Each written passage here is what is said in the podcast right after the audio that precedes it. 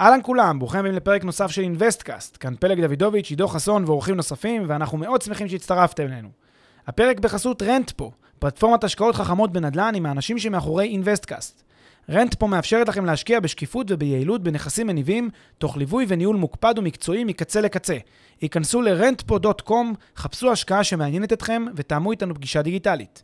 בנוסף, לפני שנתחיל, נזמין אתכם להצטרף לקהילת המאזינים של אינוויסטקאסט בפייסבוק. חפשו אינוויסטקאסט בשורת החיפוש והצטרפו לקהילה. ועכשיו לפרק נוסף של אינוויסטקאסט.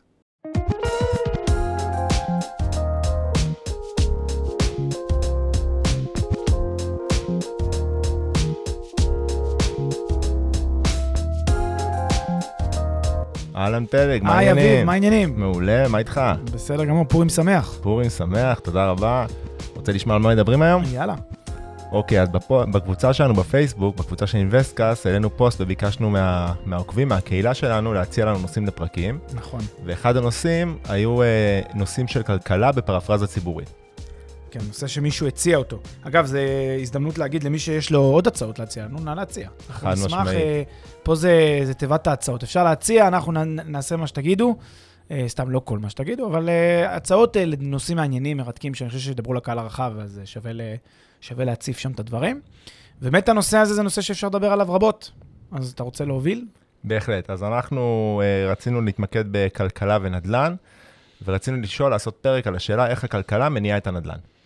כן, איך, כל- איך בעצם השוק הכלכלי הרחב מניע את אחד מתתי השווקים שיש בתוך השוק הכלכלי הזה. אה, ונקלף את זה לאורך הפרק, אה, כדרכנו גם נעשה קצת ניתוח למה זה, איך הכלכלה מניעה את עצמה, גם קצת על איך הכלכלה מניעה את הנדל"ן. נראה ש... כן, מין ספוילר אלרט, נראה שלא תמיד יש קשר אה, ישיר ומיידי בין מה שקורה בשוק הכלכלי הרחב לבין הנדל"ן, כי לנדל"ן יש כללים משלו, ונסביר את זה. וגם קצת, אתה יודע, נדבר פוליטיקה טיפה, לא, לא פוליטיקה על פוליטיקאים, לא נדבר על פוליטיקאים ספציפיים, אבל כן נדבר על הקשר בין פוליטיקה לבין כלכלה ונדל"ן. בקיצור, ידעתי, פרק מעניין. גם. לדעתי, מדהים. אז בואו נתחיל עם השאלה הראשונה ש... שאמרת, איך הכלכלה מניעה את עצמה, כי זה יכול להיות באמת איזשהו, אה, איזושהי הקדמה שתכניס אותנו לנושא של איך הכלכלה מניעה את הנדל"ן. זהו, אז איך הכלכלה מניעה את עצמה? זה בעצם מהם המנועים הכלכליים שגורמים לזה שיש צמיחה כלכלית. אני יודע שהרבה אנשים מכירים את המונח צמיחה כלכלית, זה מונח די שגור, אני חושב, בשיח, גם בישראל, גם בעיתונות הכלכלית, גם בתקשורת הישראלית. אנשים מכירים את המונח צמיחה, לא תמיד יודעים מה זה אומר צמיחה, growth הזה, ה-growth הכלכלי. בגדול, רק אה, לסבר את האוזן בקצרה, לא ניכנס פה עכשיו לתורות כלכליות ומקרו-כלכלה וניתוחים יותר מעמיקים. בגדול, צמיחה זה כמות הכסף שבעצם נוצרה, התוצר, כן? שנוצר במהלך אה, שנה מסוימת בהשוואה לשנה הקודמת. אז אם אנחנו מדברים על אה, אה, גידול בתוצר בין שתי, בין שתי שנים ספציפיות, אז אנחנו נקרא לזה צמיחה. ונניח, אה, דמיינו בצורה הכי פשוטה, נגיד אתם אה, כמשק בית פרטי, יש לכם נגיד 100 הכנסות בשנה אחת, ואז 105 בשנה השנייה, אז הייתה לכם צמיחה של 5% ב- בתוצר, שזה בעצם אומר, אה, גדלתם, growth ב-5%. זה בעצם מה שזה אומר. ואחד הדברים היפים לגבי צמיחה ותוצר והדברים האלה זה שמתגלגלים בסוף לחזרה למשק. כלומר, כסף שנוצר במשק ונכנס לקופות של כל השחקנים במשק, בסוף מתגלגל חזרה למשק בכל מיני דרכים כאלה ואחרות, או שהוא מתגלגל גם לעסקאות בינלאומיות, זה גם בסדר, אבל הוא בסוף מתגלגל חזרה כדי להניע, להמשיך להניע את הכלכלה. לכן, תופסים צמיחה כמשהו חיוני, חיובי, כדי, אה, אתה יודע, כמשהו שמצמיח את הכלכלה ותורם לאושר של כולם, ו- ו- ולכן צמיחה זה גם מדד. מדד לאיכותה של כלכלה, לכמה כלכלה משגשגת, כמה כלכלה מתפתחת, לכן זה המונח של, אה, של צמיחה. להמשיך למונח הבא, אינפלציה? בטח, בהחלט. אז בעצם אינפלציה זה אה, מונח ש... אז, אז עד פה אמרנו איך כלכלה מניעה את עצמה, רק הצגנו את הבסיס של צמיחה, עוד לא דיברנו איך היא ממש מניעה את עצמה. אבל התוצאה שכשכלכלה גדלה, ודבר, ו, ובעצם יש יותר כסף בקופות, בכיסים של אנשים, אז גם אנשים יותר צורכים, יותר קונים, וכשאנשים צורכים ויותר קונים ויש להם יותר כסף בכיס, אז מה שזה יוצר, זה יוצר אינפלציה הרבה פעמים, כלומר עליות מחירים, וזה נמדד, אה, אתה יודע, לפי מדד המחירים לצרכן, סלי מוצרים בסיסיים שאנשים קונים, יש איזשהו תהליך של אה, עלייה במחיר המצרפי הזה של אותו סל מוצרים, לפי איזשהו מדד שנקבע בלשכה המרכזית לסטטיסטיקה, והדבר הזה בסוף מתורגם לכך שיש עליות מחירים שכולנו מרגישים אותם בכיסים. לא בהכרח מדי שנה אנחנו נרגיש בין, בהשוואה לשנה שעברה, אבל אם נסתכל היום על מוצרים שלפני עשור, שני עשורים, אה, נקנו, למשל, קחו כרטיס לסרט, או נעליים, או בגדים, או אפילו דיברנו על דוגמה של ארטי קרח, נכון. דברים שפעם אנחנו יודעים שהיו עולים במחירים X, היום הם כבר, הרבה, מה, הרבה מהמוצרים האלה כבר היום 2X, מספרים ממש קפיצות משמעותיות. כמובן שבסל הרחב, סל המוצרים הרחב, אנחנו מדברים על אינפלציות שנתיות בסביבות 2 עד 3 אחוז. זה אגב לא מאפיין רק את ישראל. אבל מה שזה אומר שמדי שנה, אותם 100 שקלים שהספיקו לכם ב-2020, הם כבר לא יספיקו לכם ב-2021 לקנות את אותם מוצרים. כי עכשיו מה שתצטרכו כדי לקנות את אותם מוצרים זה בסביבות 102, 102 שקל, כן? או 103 שקלים, או 102 וחצי. כלומר, המוצרים קצת יותר יתייקרו, תצטרכו עוד, עוד כמה שקלים כדי uh, לקנות אותם. לכן בעצם כל הנושא של, של צמיחה, ו- וזה, הם קשורים יד ביד בעבותות, גם עם אינפלציה, זה בדרך כלל מתורגם uh, בזה אחר זה. Um, כן. בגלל שצמיחה, בגלל שצמיחה, ככל שה, שיש צמיחה יותר גדולה, אז זה משפיע על זה שהסכום של הכסף זאת אומרת, הערך של הכסף, סליחה, בעצם יורד, כי מה שאמרת, הוא מספיק לי לקנות פחות דברים. בדיוק, כי אנחנו בסוף משחקים כולם במשק, שבו כש, כשגדל לי הכיס, גדל לי איזה, אני הולך, והולך, הולך וקונה אותו, אז עכשיו הרבה אנשים אה, הולכים וקונים. תראו, זה עניין של היצע וביקוש, קצת קשה למי שלא חי את הדבר הזה, להבין את המונח הזה, היצע וביקוש מספיק טוב, אבל דמיינו על עצמכם שנייה כעסק, כבית עסק, בסדר? דמיינו שנייה את העניין הזה. אתם כבית עסק, נגיד, מוכרים, לא יודע מה, אה, אה, אתם סנדלר, בסדר? מוכרים אה, אה, נעליים ל- ללקוחות. עכשיו, אתם רואים בשנה מסוימת ביקוש ל-100 יחידות שאתם מייצרים, ובמחיר אה, של 100 שקל לנעל, בסדר? עכשיו, נניח שאתם, מה זה, מה זה 100 לקוחות מגיעים? כלומר, יש כל הלקוחות שהגיעו, לכולם יש נעל, יש לכם נעל לייצר להם ב-100. דמיינו שאחרי שנה, פתאום לא מגיעים 100, מגיעים 110 לקוחות, 120 לקוחות, מגיעים יותר לקוחות מאשר בשנה שעברה. אה, קצת יותר. למה? למה? למה זה קורה? כי יש להם יותר כסף בכיס, הם הצליחו בשנה שעברה יותר, קיבלו קצת יותר כסף, אז עכשיו הם רוצים לקנות גם נעל חדשה ולהתחדש בנעל חדשה. אז באים אליכם לחנות, אומרים, בואו תקנו, תמכרו לי את הנעל שלכם באותו מחיר שרציתם אז. כשאתם תראו שיש פתאום כבר הרבה יותר אנשים, נגיד 10%, 20% יותר אנשים שרוצים לקנות את הנעל באותו מחיר, תגידו, רגע, אולי אני יכול לגבות קצת יותר, אולי אני אשפר גם לעצמי את ההכנסה, אולי אני אשפר, אולי אני אסע השנה גם לרודוס, אולי אני, אולי אני אקנה עוד איזה, אתה יודע איזה, אולי אני אעשה עוד ילד, זה גם שיקול. אנשים אומרים, יש לי עוד כסף ואני אעשה אולי עוד ילד. אז הדברים האלה, אז כל אחד יש לו את התיאבון הזה בשביל להיות, לגבות קצת יותר, ואז הוא גם קצת מעלה את המחיר.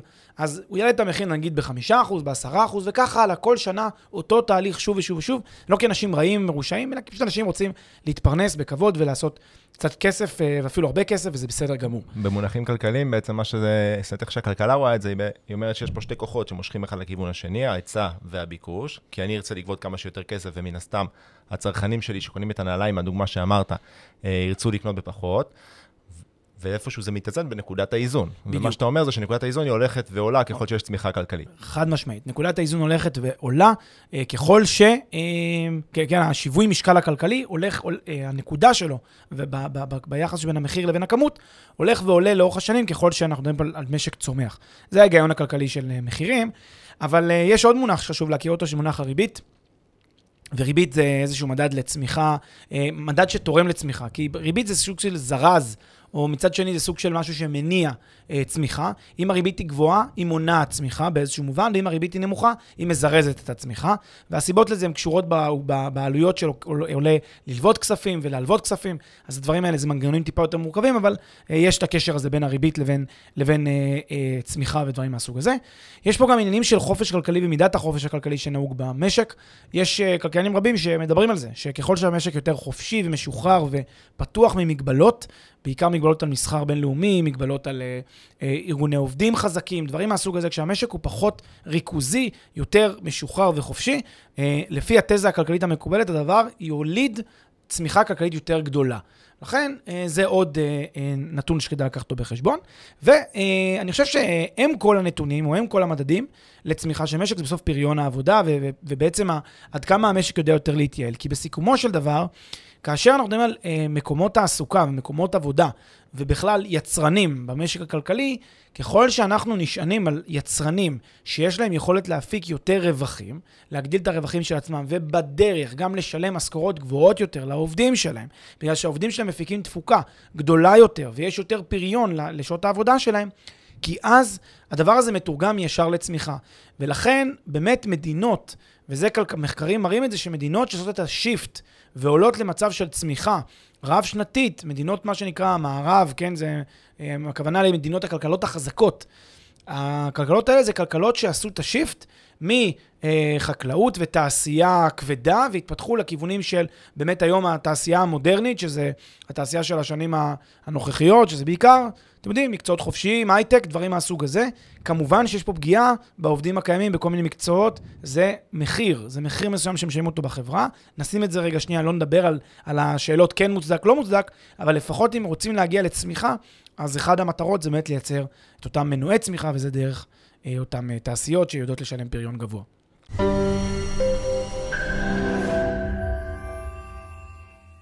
לפני שנמשיך, כמה שניות מזמנכם. הפרק בחסות רנטפו, פלטפורמת השקעות חכמות בנדל"ן עם האנשים שמאחורי אינוויסטקאסט. רנטפו מאפשרת לכם להשקיע בשקיפות וביעילות בנכסים מניבים, תוך ליווי וניהול מוקפד ומקצועי מקצה לקצה. היכנסו ל-rentpo.com, חפשו השקעה שמעניינת אתכם ותאמו איתנו פגישה דיגיטלית.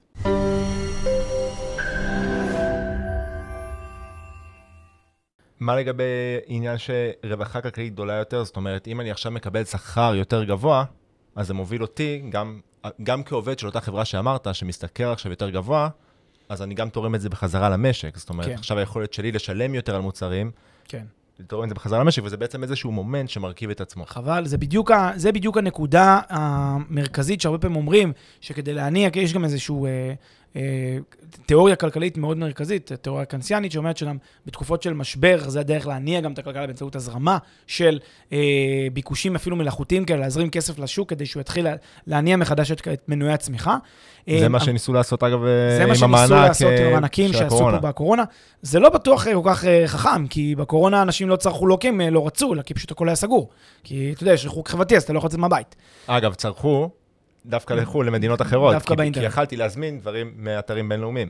כן, אז, אז באמת הצריכה לא תמיד מתגלגלת למקומות שהיינו רוצים, אבל אה, אני חושב שיש דבר כן שמסתתר מה ששאלת, וזה איך אנחנו כחברה בסוף, כשאנחנו אה, אה, מייצרים הרבה הכנסות וכולי, אז גם זה מתגלגל לקופת המדינה. קופת המדינה נהיית עשירה יותר, ועכשיו קופת המדינה יכולה להתחיל לקנות דברים. עכשיו יש, אתה יודע, יש את השופינג שאנחנו לא אוהבים, שופינג שהמדינה עושה כדי לקנות אה, אהדה של קהלים מסוימים, אה, אתה יודע, עניינים פוליטיים, שזה גם קצת אולי נדבר בסוף קצת על פוליטיקה, אבל זה שופינג מהסוג הרע, יש את השופינג מהסוג הטוב. השופינג שהוא תורם לא רק לנו, הוא תורם לילדים שלנו, תורם לנכדים שלנו, זה שופינג של בעצם הגדלה עתידית, גם של הפריון וגם של, ה, אה, של הצמיחה ושל התוצר. למה? כי כשמקימים נגיד אה, אה, מערכת תחבורה להסעת המערכת להסעת המונים, מערכת מאוד משוכללת. וכשבונים מחלפים, וכשבונים פארקים, אה, בונים תשתיות לפארקים לתעשייה, לתעשיית הייטק. כל הדברים האלה זה השקעות ציבוריות. אתה יודע, בונים גנים ציבוריים, בונים פארק, אה, פארקים לפנאי ובילוי. זה דברים שמשפרים את רמת החיים ואת הרווחה של, ה, של התושבים. מתורגם, ויש לזה גם כמובן הרבה מאוד מחקר, מתורגם להגדלת הפריון. כי שוב, אם אני צריך פחות שעות לשבת בפקקים, יש לי יותר זמן לעבוד, השעות נטו שאני יעיל יותר גדולות יותר. אז זה מגדיל את הפריון. בקיצור, הדברים האלה מתורגמים אחר כך להמשך הצמיחה. ולכן, הכל תורם להכל. כמו שאמרת, זה מין כזה, אני נכנס, אם אני יודע לייצר משק שהוא צומח ויצרני, אני אדע לתרום לכלכלה בצורה יותר גדולה. אגב, אחת הדוגמאות הטובות זה דווקא לשופינג כזה, זה מענקים שהמדינה יכולה לתת לסקטור מסוים. מענקים לחברות מתפתחות, אה, כמו שיש מהמדען אה, הראשי של המדינה. אה, שזה ממש מגביר את, ה, את, ה, את ההכנסה שאפשר לקבל מהסקטור הזה, זאת אומרת, זה, זה תרומה הרבה יותר ישירה אפילו. כן. אה, נצלול לכלכלה ונדל"ן? יאללה, קדימה. אז, אז, אז עד עכשיו דיברנו על איך כלכלה מניעה את עצמה. והסברנו שהדבר המרכזי היום זה בעצם, הגישה המרכזית אומרת שצריך להגדיל את התוצר, צריך להגדיל דרך הגדלת פריון, דרך הגדלת תעסוקה, דברים מהסוג הזה, כמו שציינו. אמ, אבל מה שעכשיו אנחנו רוצים להגיד זה מה קורה בקשר שבין הכלכלה עצמה לבין הנדל"ן. וכאן הדברים לא כל כך ברורים. כאן הדברים לא כל כך ישירים ומיידיים, ובואו נחשוב על זה שנייה טיפה יותר לעומק. כלומר, יש לאנשים תפיסה בראש, כאילו, כלכלה צומחת, מיד מתרגם גם לנדל"ן צומח. עכשיו, זה נכון, זה נכון, שברוב המקרים, ובוא נגיד, הייתי אומר, ב, ב, ב, ב, בשאיפה, בשאיפה, נדל"ן צריך ללכת יד ביד עם הכלכלה. כשהכלכלה תצמח, גם הנדל"ן יצמח, וזה הסדר התקין של הדברים. אבל, היו דברים מעולם. היו מקרים שבהם הכלכלה לא צמחה, הכלכלה גירעונית, והנדל"ן צומח. והיו מקרים שבהם הכלכלה מאוד מאוד צמחה והנדל"ן לא צמח. ולמה? מסיבות שקשורות באופ... בלוגיקה של איך עובד, איך עובד שוק הנדל"ן בפני עצמו. הרי שוק הנדל"ן בפני עצמו יש לו ביקוש ויש לו היצע. ולאו דווקא יש קשר בין מה שקורה בביקוש וההיצע של שוק הנדל"ן, לבין מה שקורה מחוץ לשוק הנדל"ן. כי יש דברים, אלמנטים חיצוניים, ואני אתן דוגמה, לא מנדל"ן, דוגמה מאוד, אה, שדיברנו עליה ככה לפני הפרק, אה, דוגמה משעשעת על חברות שאתה יכול להיות חברה ששווה מיליארד דולר, וכל הרווח השנתי שלה הוא מיליון דולר. זאת אומרת, היא צריכה אלף שנה לעבוד, לייצר רווח של, אלף, של, של מיליון דולר, אלף שנה, כדי להגיע לשווי שיש לה היום מיליארד דולר. אין, זאת אומרת, למי שיסתכל על זה יגיד, תשמע, אין לזה שום הצדקה כלכלית, אין שום היגיון, איך זה הגיוני? אז יגיד לך, טוב, תשמע, אבל uh, היום היא מרוויחה מיליון דולר, ההנחה שלנו היא שהיא תרוויח uh, עשרה מיליון דולר, ואחר כך מאה מיליון דולר וכולי וכולי, והיא תגדל עד שהיא תגיע למצב שהיא מרוויחה בתוך uh, חמש שנים, תדע כבר לה, לה, להביא את המיליארד דולר רווח הזה. אז, אז, אז זה, אתה, אתה משקיע בשביל הגרואות. מה שאני מנסה להגיד, זה לא תמיד זה המצב. לא תמיד יש קשר אינהרנטי בין הביקוש וההיצע למניה הזאת, לבין מה שגלום בה, לבין הפוטנציאל שגלום בה. ולכן, אה, לפעמים יש דברים שהם קצת מנותקים מהקשרים, ולא תמיד בהכרח יש קשר בין השוק הכלכלי עצמו, איך הוא מתפקד, לבין הנדל"ן. אבל בואו נחזור באמת לנדל"ן. נדל"ן זה ביקוש והיצע.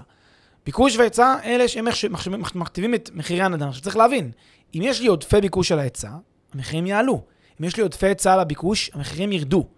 עכשיו, מה מכתיב את עודפי הביקוש, מה, מה מכתיב אם יש עודפי ביקוש על עודפי היצע? השאלה, כמה יש ביקוש בצד אחד וכמה יש היצע בצד שני. עכשיו, אתם מסכימים איתי שלא בהכרח יש קשר, נגיד גם הביקוש הוא שיא. נגיד יש ביקוש מטורף, ממש, כולם רוצים uh, לקנות דירות. אבל ת, תחשבו שזה משק, שזה כלכלה נדל"נית מאוד מאוד יעילה. בונים בשניות, מתכננים בשניות, מפשירים את כל הקרקע הזמינה, בונים מגדלים uh, מאות קומות. תחשבו שזה המצב, אז לא יהיה עליית מחירים. למה? כי הביקוש מיד יקבל הזרמה של היצע, שתענה לצרכים שלו. ולכן, אנחנו כבר מבינים שזה לא מספיק לדבר רק על זה שהמשק צומח, מגדיל ביקושים. צריך להסתכל גם על צד ההיצע. שני הצדדים האלה ביחד צריכים לשחק. ועדיין אנחנו מוצאים שיש הרבה פעמים קשר בין, הביק, בין, בין צמיחה כלכלית לבין הביקוש וההיצע בנדל"ן, מהסיבה אחת, והיא שבדרך כלל ההיצע לא מדביק את הביקוש. כי מה בדרך כלל קורה? הביקושים שהם נגזרים מהרבה מאוד אלמנטים, ביקושי הנדל"ן. הם נגזרים מכמות האוכלוסייה שיש, כן, הדמוגרפיה, וכמות האנשים שמגיעים לגור במדינה, או לגור, או לעשות שינויים בתוך המדינה. אה, משפרי דיור, זה משהו מאוד משמעותי. כשבן אדם משפר דיור, זה לא רק שהוא רוצה דירה חדשה כי בא לו חדש, זה הרבה פעמים כי הוא רוצה להגדיל את שטח הדירה שלו. עכשיו, כש, כש, אה, תחשבו שקהל גדול של אנשים, קהל, אוכלוסייה גדולה של אנשים עוברת מדירות 60 מטר ל-80 מטר, אה, כן, מגדילות בכמה זה? בערך 25-30 אחוז מגדילות את שטח, ה, את שטח ה, בדיוק בשליש, מגדילות את שטח הדירה שלהן, אז uh, זה מוסיף ביקושים, אפילו זה אותם אנשים, אבל זה מוסיף ביקושים, כי עכשיו בשוק, ה, בשוק הזה שנתפתח ביקוש ליותר מטראז', ליותר שטח. אז קבלנים בונים יותר דירות של 80 מטר, ואז זה פחות מקומות לדירות של 60 מטר. לכן זה יוצר עוד פעם אה, עודפי, עודפי ביקוש. שהסיבה הזו, לדעתי, היא דווקא הרבה פעמים, אם לא ברוב המוחלט של הפעמים, היא דווקא כן קשורה מאוד לצמיחה הכלכלית של השוק. כי למה אני רוצה לשפר דיור? או כי אני יכול ו... פשוט אני רוצה דירה יותר, אה, נקרא לזה מפנקת, או כי המשפחה שלי גדלה, התא המשפחתי שלי גדל, הרבה פעמים התא המשפחתי שלי גדל בזכות שההכנסה שלי גדלה. זאת אומרת, הרבה פעמים, לא משנה מה תהיה הסיבה, היא קשורה בבסיס שלה לסיבה אחרת, או ישירות לסיב... לצמיחה הכלכלית. כן, בדיוק. אמ, זה באמת הקשר הזה, שתכף נאפיין אותו, ונגיד את הקשר הזה המיידי בין הכלכלה לנדל"ן, זה המצבים שבהם אנחנו, שוב, דברים קורים כהלכה. אבל לרגע אני רוצה שנייה לאפיין את הביקושים, רק ממה הם נובעים. אז אמרנו קודם, הנושא של המשפרי דיור, כמו שאתה אומר, שגם הרבה פעמים נתרם על ידי הכלכלה. ביקושים מקומיים, למשל, אה, כשאנשים עוברים בין ערים, אה, אנשים רוצים לגור במקומות יותר טובים, אנשים שרוצים אה, לגור בשכונות שהן יותר, יותר מפותחות, או שכונות אחרות שהן יותר מתפתחות וכולי. כנ"ל לגבי מצב חינוך, דברים כמו תחבורה, דברים כמו שיקולים של קרבה למקומות תעסוקה ודברים מהסוג הזה. אז כל אלה זה בצד הביקוש. זה מה שמזרים ביקושים. עכשיו צריך לבדוק מה קורה בצד ההיצע. כי אמרנו, זה שיש ביקוש זה נחמד, אולי ההיצע הדביק אותו. אבל היצע יש לו בעיות בפני, עצמו, היצע יש עניין של קרקעות זמינות, יש עניין של תעדופים בייעודי הקרקע, יש הרבה שיקולים של מכתיבים מה יהיה התעדוף, איך אני מחלק את הקרקע, איך אני מקצה אותה, אה, מהו קצב התכנון, מהו קצב הבנייה, יש הרבה פעמים צווארי בקבוק בתוך תהליך התכנון, כלומר, כל אלה מכתיבים מה קורה בצד ההיצע בקשר הזה שבין הביקוש להיצע בשוק הנדל"ן. ולכן, עוד פעם, להגיע למסקנה שבהכרח אה, כשיש לי ביקושים, יעלו המחירים, זה לא להסתכל על מלוא התמונה, כי יש כמובן גם את צד ההיצע. זאת אומרת שאם אני, אני שנייה אה, אוריד את זה לקרקע, את מה שאמרת, כשאני בוחן עכשיו שוק מסוים, אני רוצה לבחון, אה, בגלל שאני מבין שהרבה פעמים הביקוש וההיצע, כל הפעמים, סליחה, הביקוש וההיצע ישפיעו, הקשר בין הביקוש להיצע ישפיעו על אה, עליית או ירידת מחירי הנדל"ן, אז אני בעצם צריך להבין מה קורה מבחינת הביקוש, אבל גם לבדוק את המאפיינים האלה אחד-אחד, לראות איך המדינה או איך ה- ה- ה- האזור מתמודד עם להגביר את ההיצע. מבחינה אם... רגולטורית, מבחינת אה, אה, אה, תחבורתית, מבחינת קצב התכנון, כל הדברים האלה. בדיוק, הדברים צריכים להיות, כדי שאני אדע שלא תהיה, כדי שלא יהיה עליית מחירים, ביקושים תמיד יש, כן? גם היצע תמיד יש, אבל כדי שלא תהיה עליית מחירים, צריך שהאיזון הזה שבין הביקוש להיצע לא יופר. כל זמן שיש עודפי ביקוש על ההיצע, האיזון הזה מופר, כן, זה מופר זה, תלוי מאיזה כיוון, יש כאלה שנהנים מהפרת האיזון הזה, לא, מבחינתם זה לא הפרה, אלא זה התנהגות טבעית של השוק. אגב, זה באמת יכול להיות דרך להגיד, כן, זה התנהגות טבעית של השוק. אבל כדי שזה לא יופר האיזון הזה במובן הזה, אנחנו צריכים להניח שיש עודפי ביקוש על ההיצע, ואם יש עודפי ביקוש על ההיצע, המחירים יעלו. ו... תכף נראה מתי זה גם, מתי זה יותר טבעי שזה יקרה. אבל כדי, ש, אבל, אבל כדי שזה לא יקרה, או כדי שאפילו תהיה ירידת מחירים, צריך שיהיה יותר היצע מביקוש ברגע נתון. רק מה שאני אומר, זה לא תמיד רק תלוי בצד הביקוש, זה גם תלוי הדדית בצד ההיצע. זה הנקודה הזאת. אוקיי, okay, האמת היא, אני מנסה לחשוב אם נדבר על זה עכשיו או לא, על לגבי מתי דווקא דברים חיצוניים לכלכלה כן. משפיעים על הביקוש וההיצע. יפה, אז, אז, אז בואו נעשה את זה עכשיו באמת. כי, כי, כי באמת אמרנו, לא תמיד הכל קשור כל כך לכלכלה, יש דברים אחרים, אז בואו נראה. מה יכול להשפיע על ביקוש שהוא לא נובע מהכלכלה? תחשוב, כלכלה, דמיין כלכלה, יש בראש שזה מדינה כזאת, אני לא, לא אציין. כלכלה שאני חושב שהיא לא הכלכלה המשובחת בעולם, מדינה אה, קצת אה, בעייתית מבחינה כלכלית, ובכל זאת, היה שם אה, בום של מחירי דיור. ובעיניי, באופן שקצת הזכיר התנהגות בועתית כזאת. מה זה באמת התופעה הזאת של הבועתיות הזאת? של התנהגות לא, לא טבעית של שוק הדיור ביחס למצב הכלכלי.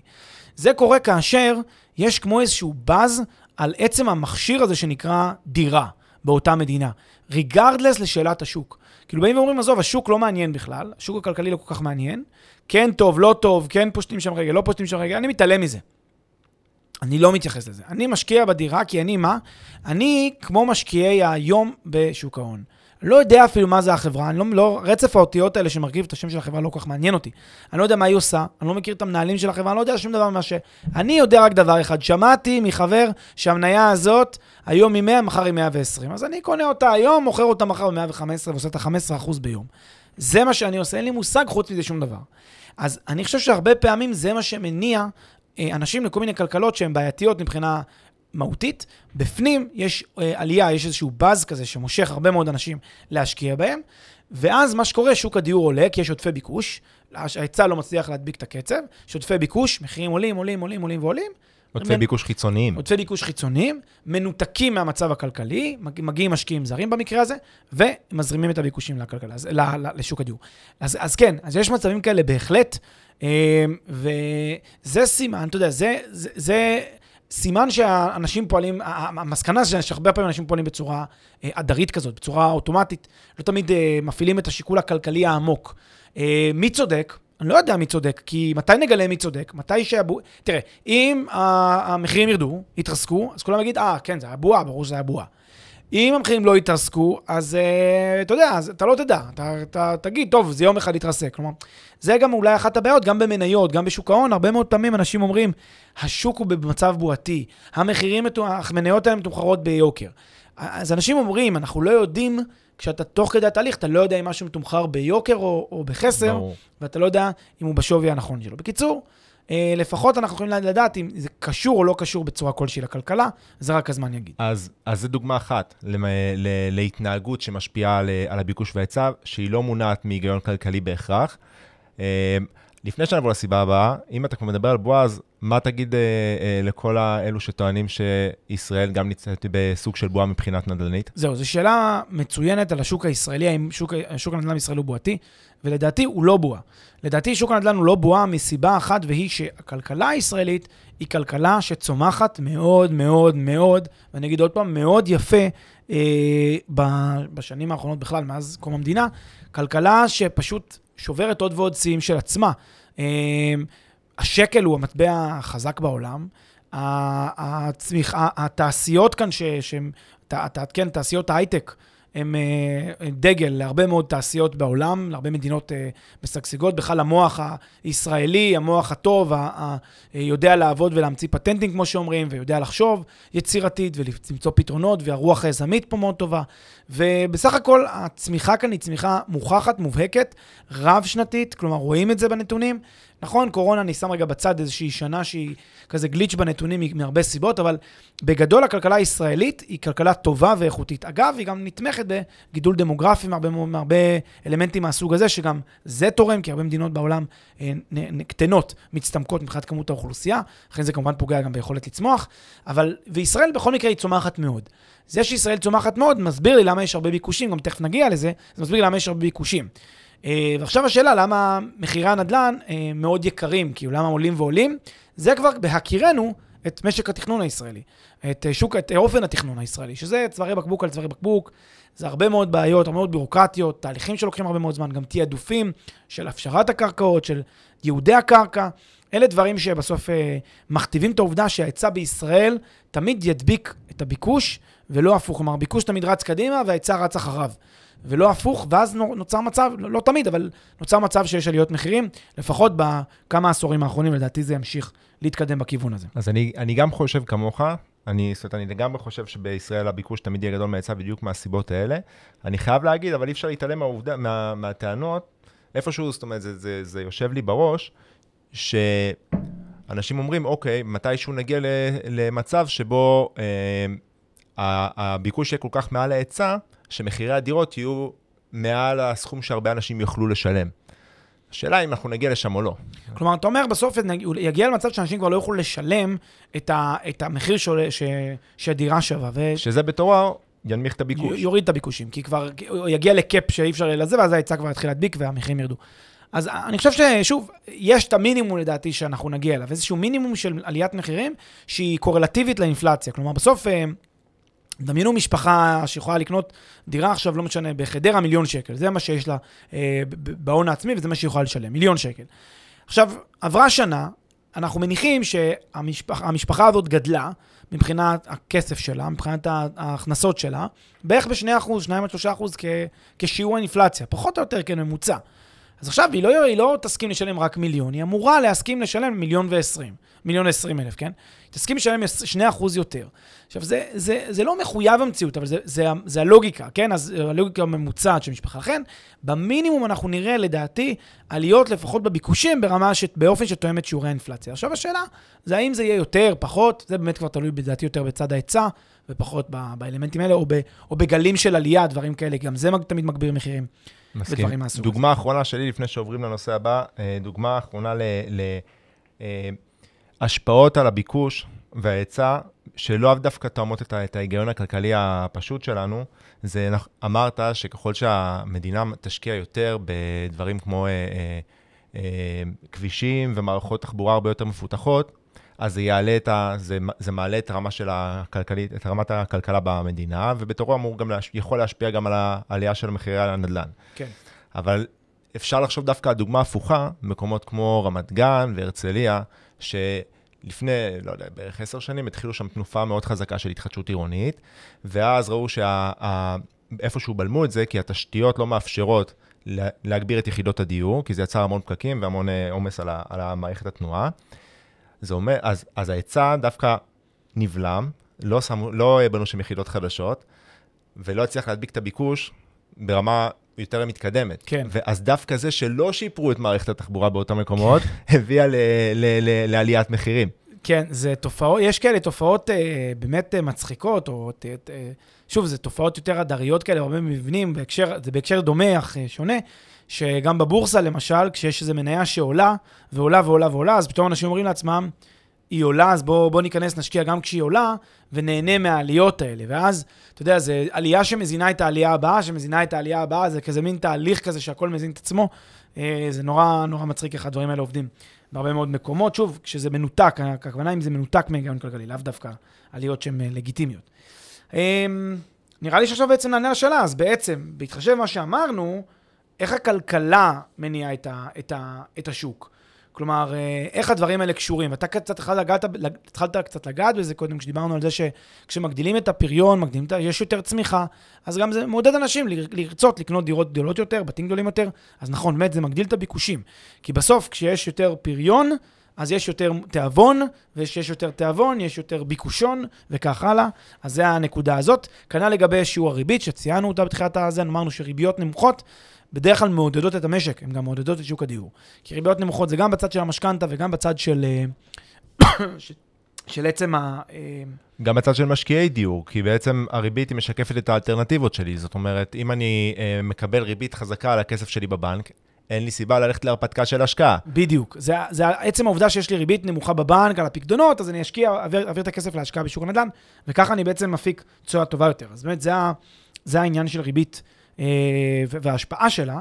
אה, גם בנושא של השקעות ציבוריות ותשתיות, גם להם, יש להם, גם להן יש השפעה חזקה על שוק הנדל"ן, מאחר שהרבה מאוד פעמים מה שיקרה, כשיוצרים תשתיות, יוצרים, בונים אה, מחלפים, בונים אה, כבישים ומשפרים נגיד את היכולת להגיע למקומות התעסוקה, זה מגדיל ביקושים באזורים שהם לאו דווקא אזורי הביקוש הטבעיים. וזה יוצר שם אזורים אה, נוספים חדשים שבהם פתאום יש עליות מחירים, פתאום יש שינויים. עכשיו, אתה יכול להגיד, זה רק הסיט את הביקושים מעיר אחת לעיר אחרת, אבל זה לאו דווקא, כי הרבה מאוד פעמים... יש אזורים שהם אה, יותר מועדים למשקיעים שיושבים על הגדר ומחכים, ואז כשפתאום המחירים שם יותר מסתדרים, עושים להם שכל, אז הם נכנסים לשוק הזה. כי הם מאמינים מאוד בשוק הזה. נגיד, אתה יודע, אם הרבה אנשים עכשיו יצאו למרכז הארץ בתור השקעה, והמחירים שם קצת יותר יתייצבו, יגיע משקיע שככה רוצה לחפש, ישקיע עכשיו במרכז. ומישהו אחר שגר במרכז וכבר לא רוצה לקנות שם דירה נוספת, כי שיפרו איזה אמצעי תחבורה להגיע למרכז בעיר אה, בפריפריה, אז הוא דווקא יעדיף לקנות בפריפריה את הדירה. כאמור, זה יגדיל קצת את הביקושים. אמ, וגם יש עניין של תנועות גלובליות, גם תנועות גלובליות של בני אדם וגם תנועות גלובליות של כסף והשקעות שעוברים ממדינות למדינות אחרות. זה דבר שהוא, אני חושב, נפוץ אה, וגורם לזה ש... אה, יש יותר ביקושים. כלומר, כשמדינת ישראל, שהשקל הוא כל כך חזק בישראל, זה קורה בין היתר בגלל שהרבה מאוד משקיעים זיהו את ישראל כהזדמנות אה, עסקית, הזדמנות השקעתית, והחליטו להשקיע בה ולהזרים כסף. וזה, וזה זה לאו דווקא שמשקיעים בנדל"ן, אלא זה שהם מכניסים כסף לכלכלה, מצמיח את הכלכלה, וכמו שאמרנו, מגדיל את היכולת שלנו לקנות יותר דירות או דירות יותר גדולות, לשפר דיור, כמו שאמרת. בדיוק, לגמרי. אה, מה לגבי התיירות, איך היא יכולה להשפיע? זהו, גם תיירות יש לה השפעה. כשיש עכשיו צמיחה כלכלית, הרבה מאוד במדינות מסוימות לפחות, גם בישראל, אז הרבה פעמים זה גם מתורגם ל...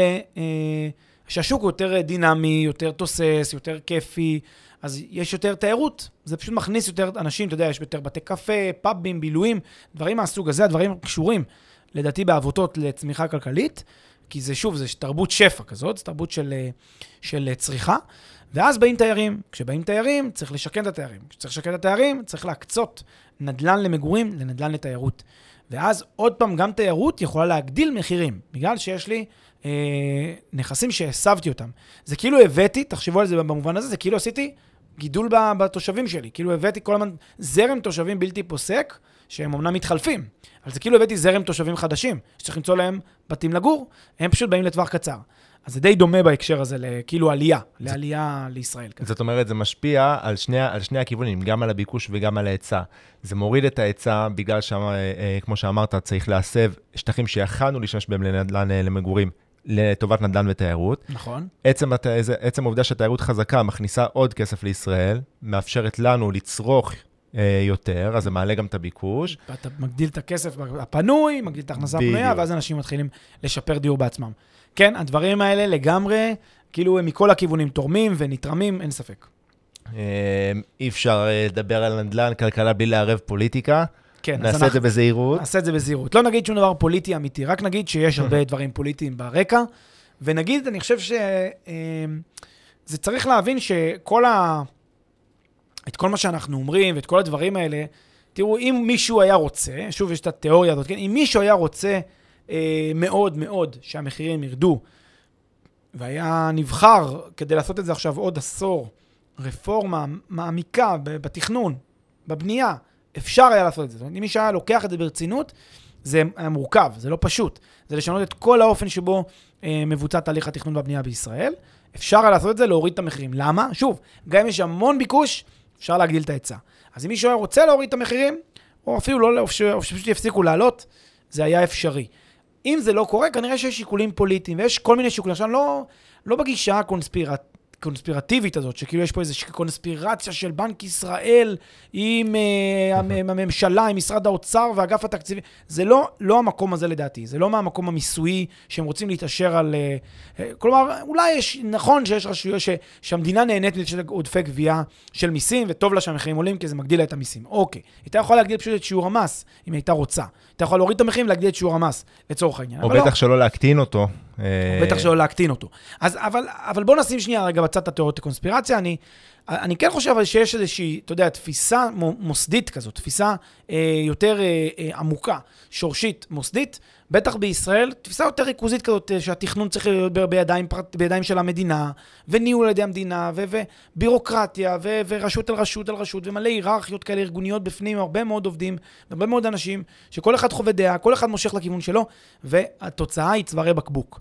אז כן, יש כאן פוליטיקה, גם פוליטיקה משרדית זה פוליטיקה, וגם פוליטיקה, אה, כן, אה, ציבורית אמיתית זה גם פוליטיקה, ויש כאן גם הרבה פעמים עניינים של, אתה יודע, כל מיני תוכניות ממשלתיות שהן בעצם סקטוריאליות, רק שלא כל כך מרגישים את זה, נותנים איזה העדפה לסקטור מסוים במסווה של תוכנית לאומית, אבל בפועל זה תוכנית סקטוריאלית, אה, או כל מיני דברים שנותנים אה, מכרזים והפשרות קרקעות. צובעים את זה רק כלפי, אה, אה, אתה יודע, קבוצה כזאת, קבוצה אחרת. בקיצור, יש כאן הרבה פוליטיקה שמשחקת תפקיד, ולכן באמת אה, כלכלה ונדל"ן הם לא נפרדים מעולם הפוליטיקה. אני חושב שהאמת היא, מחיר למשתכן יכולה להיות דוגמה טובה. זאת אומרת, אתה רוצה להתעכב על זה דקה? מה, איך, האם תוכנית המחיר למשתכן באמת השפיעה על הביקוש וההיצע? האם, אגב, מבחינת היגיון כלכלי, או יותר דווקא השפעה פוליטית? זהו, אז תוכנית המח- מחיר למשתכן היא תוכנית שלפחות ממה שאני שומע מעמדות של כלכלנים מובילים, היא תוכנית שהיא קטסטרופלית למשק, בגלל שאין לה, אין לה שום, לא רק שאין לה היגיון כלכלי, גם אין לה הצדקה ציבורית חברתית. כלומר, גם אם זה כאילו so called חברתי, אה, לאפשר אה, דיור למי שצריך, אה, שזה ציבור, נגיד, זוגות צעירים, פה הייתה העדפה לא הוגנת של ציבור של אה, זוגות צעירים דווקא יותר מבוססים על פני ציבור של זוגות צעירים שהם פחות מבוססים, כי להם אין את ההון העצמי כדי בכלל להתמודד בתוכנית הזאת. ולכן פה, זה גם לא מוצדק מבחינה אה, חברתית, תוכנית כזאת. היא גם לא מוצדקת כמובן מבחינה כלכלית. היא תוכנית שפשוט אה, אה, נותנת, אה, אתה יודע, איזושהי, באיזושהי הגרלה עדיפות לאיזושהי קבוצה מאוד סלקטיבית, מאוד ספציפית. כמובן שגם לקבלנים, היא יוצרת, אה, ורואים את זה בתוצאות, שהיא יוצרת הרבה פעמים דירות ב- מקו- באזורים שהם לא אזורי ביקוש, באזורים שסתם יוצרים שם, בגלל שיש שם תוכנית פתאום קנו, הרבה פעמים זה יוצר דירות שהן באיכות פחות טובה, באזורים פחות אטרקטיביים, וזה בסוף לא משיג את המטרה שלשמה זה נועד. מה זה נועד? להוריד מחירי דיור. האם מחירי הדיור ירדו בעשור האחרון בצורה שלכאורה הייתה ביומרה של מי שהקים את התוכנית הזאת? לא. אז התוצאה לא מוצלחת, הביצוע לא מוצלח, ולדעתי גם זה לא כל כך הוגן. מהסיבה הפשוטה, שאם לא טיפלו בבעיות שורש, אנחנו אומרים פה שבעיית השורש היא הפער בין הביקוש להיצע לטובת הביקוש, והתוכנית הזאת היא לא הביאה, היא לא טיפלה באיך נגביר את ההיצע. לא, היא לא תרמה להפשרה של קרקעות ב- ב- במספרים הרבה יותר גבוהים ממה שהיה לפני כן. ובגלל זה, בלי שאתה מטפל בזה, אתה מאוד קשה, מאוד קשה להביא להתמתנות או לירידת מחירים. כן, לגמרי. לגמרי.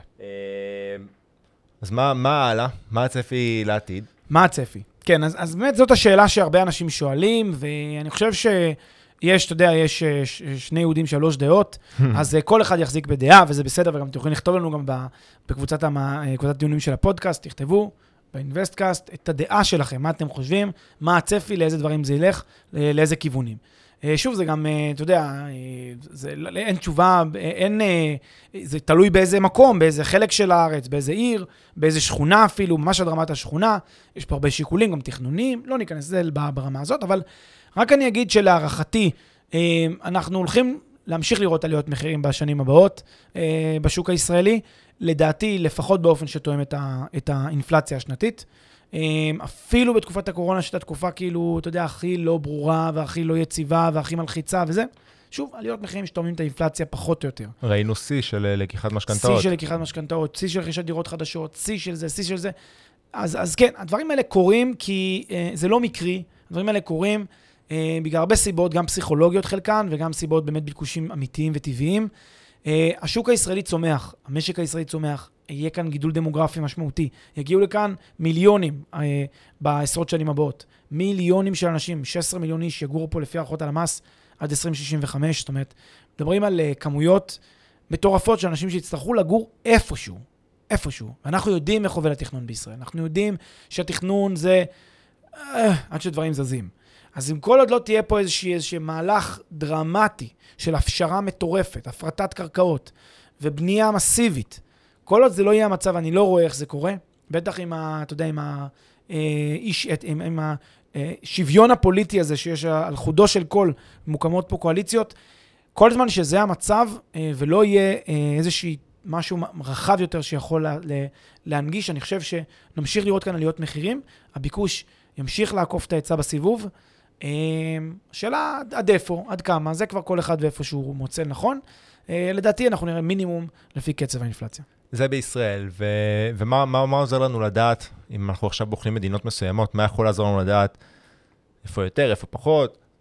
פנטסטי. אז באמת, אני חושב שבאמת מניסיוננו במקומות שונים בעולם, גם שם נושא התכנון הוא צוואר בקבוק. זאת אומרת, ישראל לא, היא אמנם, אה, היא אמנם לדעתי קצת חריגה לרעה, אבל היא לא קיצונית, כן? היא לא עד כדי כך.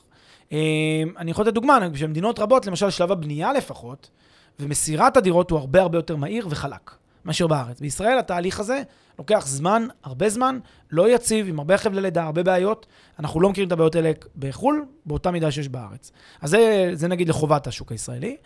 בצד של התכנון עצמו, אני חושב שמדינות רבות הן דומות לשוק הישראלי, ולכן גם שם יהיו צווארי בקבוק ויהיו עליות מחירים. שאלה היחידה זה אה, באיזה שוק מדובר, מה התנאים של השוק. צריך לבדוק את זה מבחינה, מבחינה כלכלית, את השוק הספציפי, וכנ"ל גם את העיר שרוצים להשקיע בה ואת, ואת השיקולים שלה.